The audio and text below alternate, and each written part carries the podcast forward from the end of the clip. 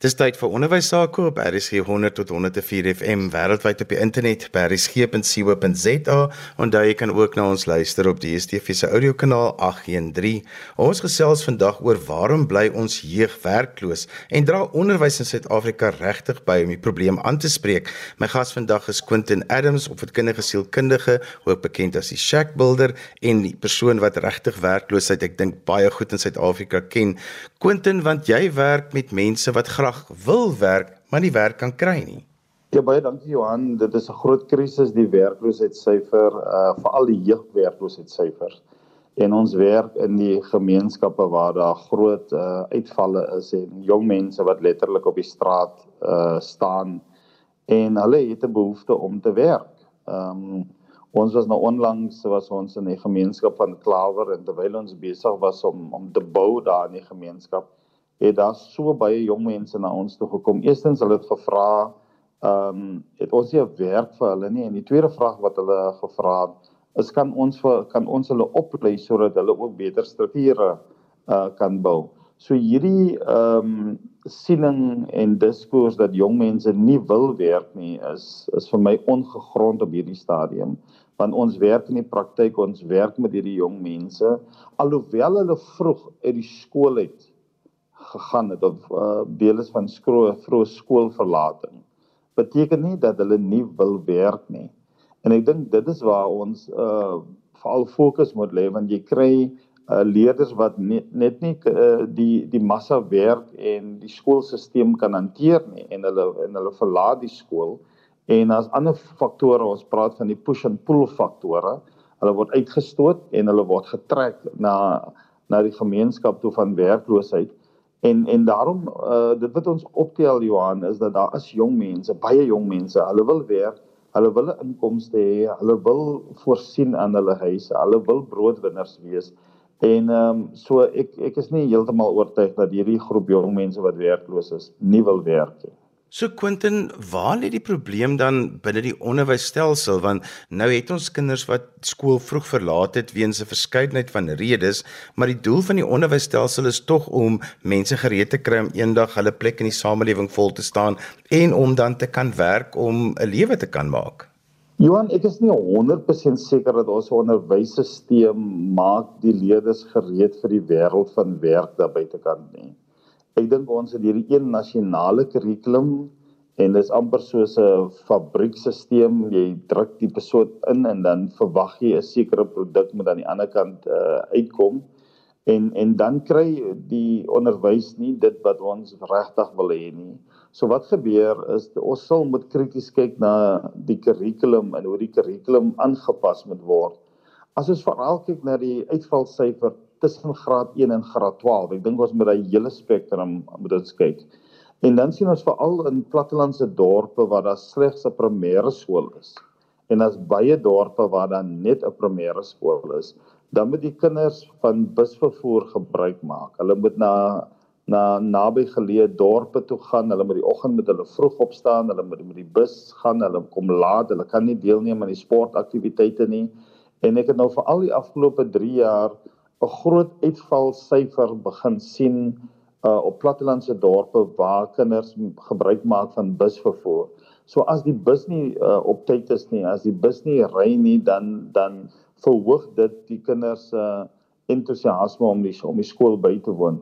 Dan 'n tweede faktor is natuurlik die diep vlakke van armoede wat ons kry. En as ons praat van armoede, dan moet ons kyk na die multidimensionele fasette van armoede. Byvoorbeeld daar's nie voldoende behuising nie. En as daar nie voldoende behuising is nie, dan beteken dit dat daar's nie genoeg spasie om te om om om te leer nie. Ons het so 'n tyd gelede het ons besluit um ons gaan skoolbanke maak vir kinders in in in in 'n plakkerskamp. En ons het omtrent so 50 uh, skoolbanke gemaak waar hulle kan ten minste kan werk want meeste van hulle sit op die bed of hulle sit op die grond en daar is nie 'n plek uh, waar hulle kan werk nie. En toe ons die skoolbanke daarin bring, toe vind ons maar daar is nie genoeg spasie vir hierdie kinders nie. En ons moes toe vir die labdesk uh maatskappy kontak om te vra kan hulle nie net hierdie plastiese apparaat het of wat hulle op hulle op hulle ehm um, bene kan sit en hulle huiswerk kan doen nie. So die sosio-ekonomiese omstandighede weeg baie swaar en en en maak dit dat kinders sukkel om regtig te kan funksioneer. Ons was nou in Klawer, ek wil nou nie oor Klawer spesifiek praat nie. Maar die seentjie wat vanmôre is byvoorbeeld het het saam met sy ouma op 'n matras geslaap. As jy kyk daai bouvallige struktuur, uh die haglike omstandighede waar daai kinders in woon, dan is dit bydraende faktore en ons skoolstelsel maak nie voorsiening. Daar's nie genoeg ehm um, bronne en ondersteuningsstelsels. Daar's byvoorbeeld een sielkundige vir 100 skole. Daai sielkundige kom nie by al die skole uit nie. Maar ek dink dan moet 'n vennootskap gevorm word en ons moet anders begin te dink. Ehm um, daar is 'n teoretikus met die naam van Sir Giovanni wat praat van die gemeenskapskool konsep. Wat hy sê dat die die skool kan nie kan nie uitgesluit wees van die gemeenskap. Die skool moet deel maak van die gemeenskapsnetwerke en bronne om seker te maak dat die kinders kan skool toe gaan. En dan is dit natuurlik hierdie reël dat as 'n kind vir 'n sekere aantal dae nie by die skool is nie, dan dan is dit 'n outomatiese uitsetting. En ehm um, daarom is dit belangrik dat ons krities moet begin te kyk. En ek dink ons het nou die afgelope 3-4 weke het ons 'n nuwe faset gesien is dat ek dink die mense wat wat kurrikulum ontwikkel en die mense wat betrokke is by die kurrikulum is te ver verwyder van die realiteit van die kinders. Jy jy skep 'n kurrikulum vir kinders, maar jy weet nie waar kom hulle vandaan nie. Jy weet nie uh wat is hulle omstandighede nie. Um jy kry byvoorbeeld nou in KwaZulu-Natal sit jy met kinders wat getraumatiseer is as gevolg van daai ehm um, reën in in in in in en 'n uh, ramp wat nou KwaZulu-Natal getref het. Maar 3 jaar gelede was daar ook 'n ramp waar omtrent so 40 tot 50 mense gesterf het. So jy sit met 'n situasie waar kinders blootgestel word aan verskillende goed en die skool se kapasiteit moet versterk word. Ons kan nie net die onderwyser alleen verantwoordelik hou in die klaskamer nie. Ons moet 'n holistiese benadering hê rondom is daar genoeg ondersteuningsstelsels vir die kinders by die skole. Nou ek het 'n uh, 'n tyd gelede het ek gestudeer, uh gaan studeer in Holland en Utrecht en die Hollanders het 'n baie interessante beleid. Hulle noem dit die rugzakbeleid. Die rugzakbeleid beteken dat as jy 'n kind is met 'n spesiale onderwys gestremdhede of uitdagings of behoeftes, dan is daar geld in die rugsak en daai geld kan die kind gaan nou na 'n skool toe en dan kan die skool aanpassings maak. As die kind visueel gestrem is of as die kind in die in die in die rolstoel is, dan kan die skool sekere aanpassings maak. Ek moet vir jou sê ons spesiale skole het baie verbeter in terme van die hulpbronne wat daar beskikbaar is om die kinders te kan ondersteun. Maar ek moet vir jou sê 'n aspek wat ons verskriklik optel met hierdie werklose jeug is die aantal leerders wat uitdagings het met spesiale leerbehoeftes. Dit is kinders wat nie kan lees nie. Hulle hulle sit met sukkel met disleksie. Baie van hulle het ADHD, baie van hulle het kognitiewe probleme. En ek dink ons skoolstelsel alhoewel daar 'n uh, 'n beleid is, alhoewel daar inklusiewe beleid is vir inklusiwiteit, is daar nie die ondersteuningshulpbronne vir die kinders byvoorbeeld Ons het nou op plattelandse dorpe begin te werk en 'n strategie om te sien hoeveel kinders uh uh fetale alkoholsindroom het. Jy jy kan sien daai kinders sukkel. Jy kan sien uh al hoe meer kinders uh, tel ons op as ons na hierdie dorpe toe gaan en ons gaan werk en ons gaan bou. Um is dit is op die Asperger syndroom uh of die of die Asperger spektrum en, en en ek moet vir jou sê dat die skool moet gekapasiteer word. Die skool moet verder ondersteun word en ek dink dit is nie wat gebeur en dit is hoekom ons so 'n hoë uitvalsyfer kry. Sommige mense sê meer as 50% van die kinders tussen graad 1 en 12 verlaat die skool vroeg. Quentin die ander aspek van die probleem is wat ek graag wil hê moet uitkom is, is dat daar so groot fokus dat 'n kind moet kom by matriek. En dat daar nie genoeg amper wil ek sê fokus is op wat gebeur na matriek of wat maak ek met daai matriek nie want so baie van ons matriek sit by die huis. Ja Johan, uh, jy weet as jy uh, na die gebou het in een, in een van hierdie gemeenskappe en jy ry so 800 km op pad huis toe, dan jy baie tyd om te dink en te herëvalueer rondom wat aangegaan binne in hierdie land. En ehm um, terwyl ons gery het, het iemand 'n uh, opmerking op die radio gemaak van hierdie hoë uitvalsyfer van die leerders tussen graad 1 en graad 12, graad 12. Maar wat meer skokkend is, ons het so groot fokus dat die kinders en die leerders moet universiteite toe gaan uh die uitvalsyfer by die universiteite is is is is net so groot. Um by die een universiteit wat die hoogste is, het hulle gesê dat die deurvloei koers is 64% gewees. Uh en dit is van die hoogste. Jy kry universiteite tussen 44% en 64%. Nou jy kan dink dat die hierdie kapitale uh um uh begrotings wat wat wat beskikbaar gestel word vir vir onderwys. En ek dink die probleem is dat ons verstaan nie die konteks waarin hierdie kinders woon nie. Die die beleidsmakers, die politici, die mense wat woon in die omgewing wat wat wat die kurrikulum ontwikkel, hulle verstaan nie die konteks van kinders binne in Suid-Afrika nie. Ek dink die beleidsmakers is te ver verwyder van die van die dinamika. En en ons stel dit elke keer op en ons en ons sien uh, hoe dit uitspeel binne in sekere kontekste. Nou wanneer jy graad 12 uh, voltooi, dan dan is daar 'n groot ophef word gemaak. Groot ophef gemaak word gemaak oor die top 10 leerders en die en die kinders wat wel en en wat dit gemaak het en ons ons ons is baie opgewonde oor hierdie suksesse wat dit het. Maar ek dink ons moet baie meer holisties begin te kyk want ons sien dit. Ek het nou onlangs met 'n landros gepraat. As ons net daai kinders vang nie, dan gaan hulle in die kriminele stelsel in. En en sy bekommernis was is dat die kinders wat in die kriminele stelsel in begin kom, raak al hoe jonger. En ons sit met hierdie massa tydbom wat ons het van te veel jong mense wat wat wat die Delhi skool verlaat het. En daarom dink ek ons moet ons het nuwe denke op ministeriële vlak nodig. Ons kan nie net by 'n konferensie kom en sekere beginsels maak, uh sekere besluite maak en proposisies daar sit en ons weet nie wat op die grond is nie. En ek dink daar is 'n diskonneksie tussen beleid en as 'n diskonneksie tussen die amptenary wat die beleid maak, daar's ook 'n diskonneksie tussen die akademici wat uh publikasies maak en die werklike realiteit van van ons samelewing. Um as jy kyk na net byvoorbeeld Khayelitsha die moorde wat daar plaasvind.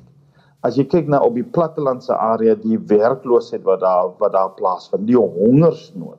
Mense besef nie dat ons 'n groot massiewe hongersnood het nie. Mense besef nie dat kinders nie op 'n bed slaap nie. In Calvinia area het ons klomp kinders gekry wat nie op beddens slaap nie. Nou hoe kan jy presteer en optimaal wil presteer as jy nie goed slaap nie. Een van die een van die deurslaggewende goed in terme van geestesgesondheid, fisiese gesondheid is dat jy moet goed kan slaap. En ons sit met kinders wat sukkel met met slaapprobleme. Hulle kan nie slaap nie want hulle het nie 'n bed waar waarop hulle lê nie. En daarom dink ek dat ons verstaan nie regtig die realiteit en die konteks waar kinders waar deur kinders moet gaan nie. Die hongersnood. Ons het nou 'n uh, navraag gekry van dorpe. Ek het 'n lys van 6 dorpe wat vir my gesê het hulle het nie hulle het nie sopkombuise nie. Hulle het nie 'n sein koneksie nie. Hulle weet nie hoe om 'n sopkombuis te registreer nie. Die mense kom nie daar uit nie want dit is ver afgeleë plattelandse dorpe. Ek was geskok om uit te vind dat daar's groot hongersnood, daar's groot probleme met voedsel. En Johan, jy's 'n kundige op die gebied van die impak van voedsel op jou brein en jou jou neurooordragstowwe, jou neurotransmitters en hoe jou brein funksioneer as jy ehm, 'n um, probleem het met wanvoeding. Hierso sit jy ses plattelandse dorpe wat nie sop kom by sê nie, waar daar kinders is en wat die kinders wat wat die kinders ondervoed is. Nou jy kan nie uh, onder jy kan nie verwag dat daai kind op, op so 'n hoë vlak moet presteer nie. En daarom dink ek dat die amptenary en die beleidsmakers, die beleidsmakers as jy kyk na die beleidsmakers en jy kyk na die realiteit, daai twee prosesse moet bymekaar kom en op hierdie stadium en ek moet vir jou sê ons ons neig al hoe meer, ons neig al hoe meer om 'n wêreld of 'n eerste wêreldse model te skep vir 'n ontwikkelende land. En jy sien dit in die beleid. Ek was nou uh, gister was ek by 'n prinsipaal en hy het uh, wys vir my sê rekenaar die briewe wat hy van die departement afkry. Hy man, hy man se kop lyk like, te hoofpyn gekry soos jy alles stuur net daar daar is nie 'n besef dit is 'n groot skool dit hy's oorvol daar's 50 55 kinders in die klaskamer en en dis hoekom ek besef het dat dat wat gebeur is dat ons sal moet groter 'n groter bewusmaking moet maak oor wat is die realiteit van kinders en kinders se belewenis binne in hierdie breë Suid-Afrikaanse konteks. Want dit bring my by die vraag Quentin oor onderwys self, dit wat in die klaskamer gebeur, want ons weet daai wiel draai mos nou maar stadig. Dis 'n groot wiel wat moet draai. Daar moet baie verskillende dinge gebeur voor daar ook 'n verandering kan kom, want ek meen die kinders moet 'n matriekeksamen skryf, maar ons weet nie of dit dan nou regtig die kinders voorberei vir die wêreld van werk nie. So dit is 'n komplekse situasie en hoe hoe kan 'n mens dit aanspreek? Johan, ons het nou 'n um, um, eksterne evalueerder gehad op 'n projek, die die die shack building projek. En en hierdie groep jong mense wat wat werk op hierdie projek het ons nou deur verskillende uh opleidingssessies geneem. Nou jy weet van hulle het graad 8 skool verlaat, graad 9, graad 10, graad 11 skool verlaat. En ons het hulle deur in diens 'n uh, in diensopleidingsprogram geneem. Ons het 'n aange ons het 'n eie kurrikulum met ons ontwikkel Ons het dit baie meer prakties gemaak en ons het seker gemaak dat die vaardighede wat hulle in hierdie backyard varsity wat ons begin het, hou verband met wat daar buitekant gebeur in die industrie. So wat gebeur as hulle hier klaar is, kan hulle in die informele behuisingssektor kan hulle beweeg. Hulle kan na om om Jannie toe gaan in die straat en sê om Jannie, ek weet hoe om te saag, ek weet hoe om 'n 'n houtraam te slaan, ek weet hoe om 'n dak op te sit. Ek weet om plate te sny, ek weet waar om die plate te kry, ek ken die kosteberekening van die plate, ek ken die logistieke daarvan en ons het hulle baie meer praktiese vaardighede aangeleer. Ons het nou 'n uh, eh, eh, onlangs uh, die laaste shack wat ons nou gebou het, het die manne bymekaar gekom en hulle het 'n kwaliteitsbeheer uh, persoon ook nou aangestel. 'n Jong dame wat kyk of hulle die prosesse reg doen. Hulle die die prosesse het hulle uh in stappe neergeskryf hoe uh, hoe hoe hoog die struktuur moet wees, hoe wyd moet hy wees, hoeveel plate moet gebruik word, die sement, hoe word die sement gemeng? Alles alles die hele bouproses is in stappe uh neergeskryf. En toe ons hierdie proses verduidelik vir hierdie eksterne evalueerders want ek wil graag kritiese kommentaar oor ons proses in hierdie informele kurrikulum wat ons ontwikkel het, het die persoon die volgende stelling gemaak. Hy sê dat hierdie jong mense wat werkloos is wat die skool vroeg verlaat het, is op 'n baie beter plek as 'n kind wat graad 12 geslaag het en nie na 'n kollege toe of 'n tersiêre inrigting kan gaan nie. Kan ek dit weer herhaal? Hierdie jong mense wat ons deur hierdie program gevat het, is in 'n beter situasie. Want nou is hulle in diensneembaar. Hulle hulle weet wat hulle kan doen Hulle weet hoe om dit te kan doen. Hulle kan hulle self bemark en dan baie baie belangrik, hulle weet wie hulle is. Ons het nou uh, onlangs uh, onsself bekend gestel en dit was so pragtig om hierdie jong manne te hoor om te sê ek is die dakspesialis. Hierdie ouetjie het ons van die straat afgehaal. Hy's werkloos. Hy het vir jare het hy daar gestaan, het nie werk gehad nie. En nou het ons hom deur vaardighede gegee. Hy kan vir jou sê wat is 'n dakplaat, die tipe dakplate en en en dit is wat ons moet begin te doen. Ons sal hierdie hierdie kurrikulum met heeltemal herkonstrueer uh om seker te maak dat ons aan die behoeftes en die onderwysbehoeftes van hierdie jong mense en ek moet vir jou sê as ek hierdie Engelse woord kan sê ons het 'n misfit in ons onderwysstelsel ten opsigte wat industrie wil hê Wat is dit wat industrie wil hê? Wat is dit wat die kurrikulum moet bied vir die industrie? En dan baie belangrik vind ons uit by hierdie jong mense wat graad 12 klaar, hulle het nie die vaardighede om industrie. Nou moet hulle heropgelei word deur industrie. Wat beteken daar's nog verdere kapitale uh begrotings en uitgawes. En daarom dink ek ons moet krities dink oor dit en nie net um lukraak omgaan met die intervensies waarmee ons besig is nie.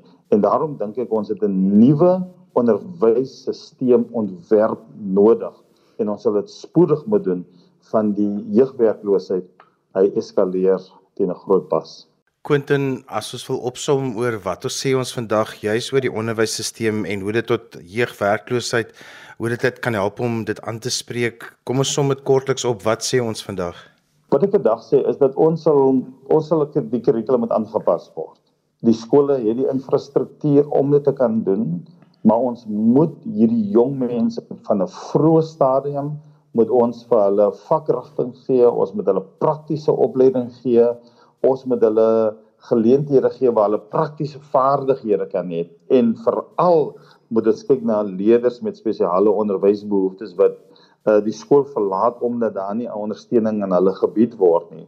Wat ons in die backyard varsity kom ontdek het en gevind het is dat ons ons kurrikulum is prakties ons is baie baie patient met hierdie uh met hierdie leerders en ons neem hulle deur sekere vaardighede en ons gebruik hierdie Vygotsky model van scaffolding om om hulle elke keer na 'n nuwe fase en na 'n hoër fase te neem en ons kan sê dat hierdie studente kan nou in diensneembaar wees, hulle kan gaan werk, hulle voel goed oor hulle self. En ons sien wat die wat die kurrikulum eintlik veronderstel is om te doen is om jong mense te transformeer.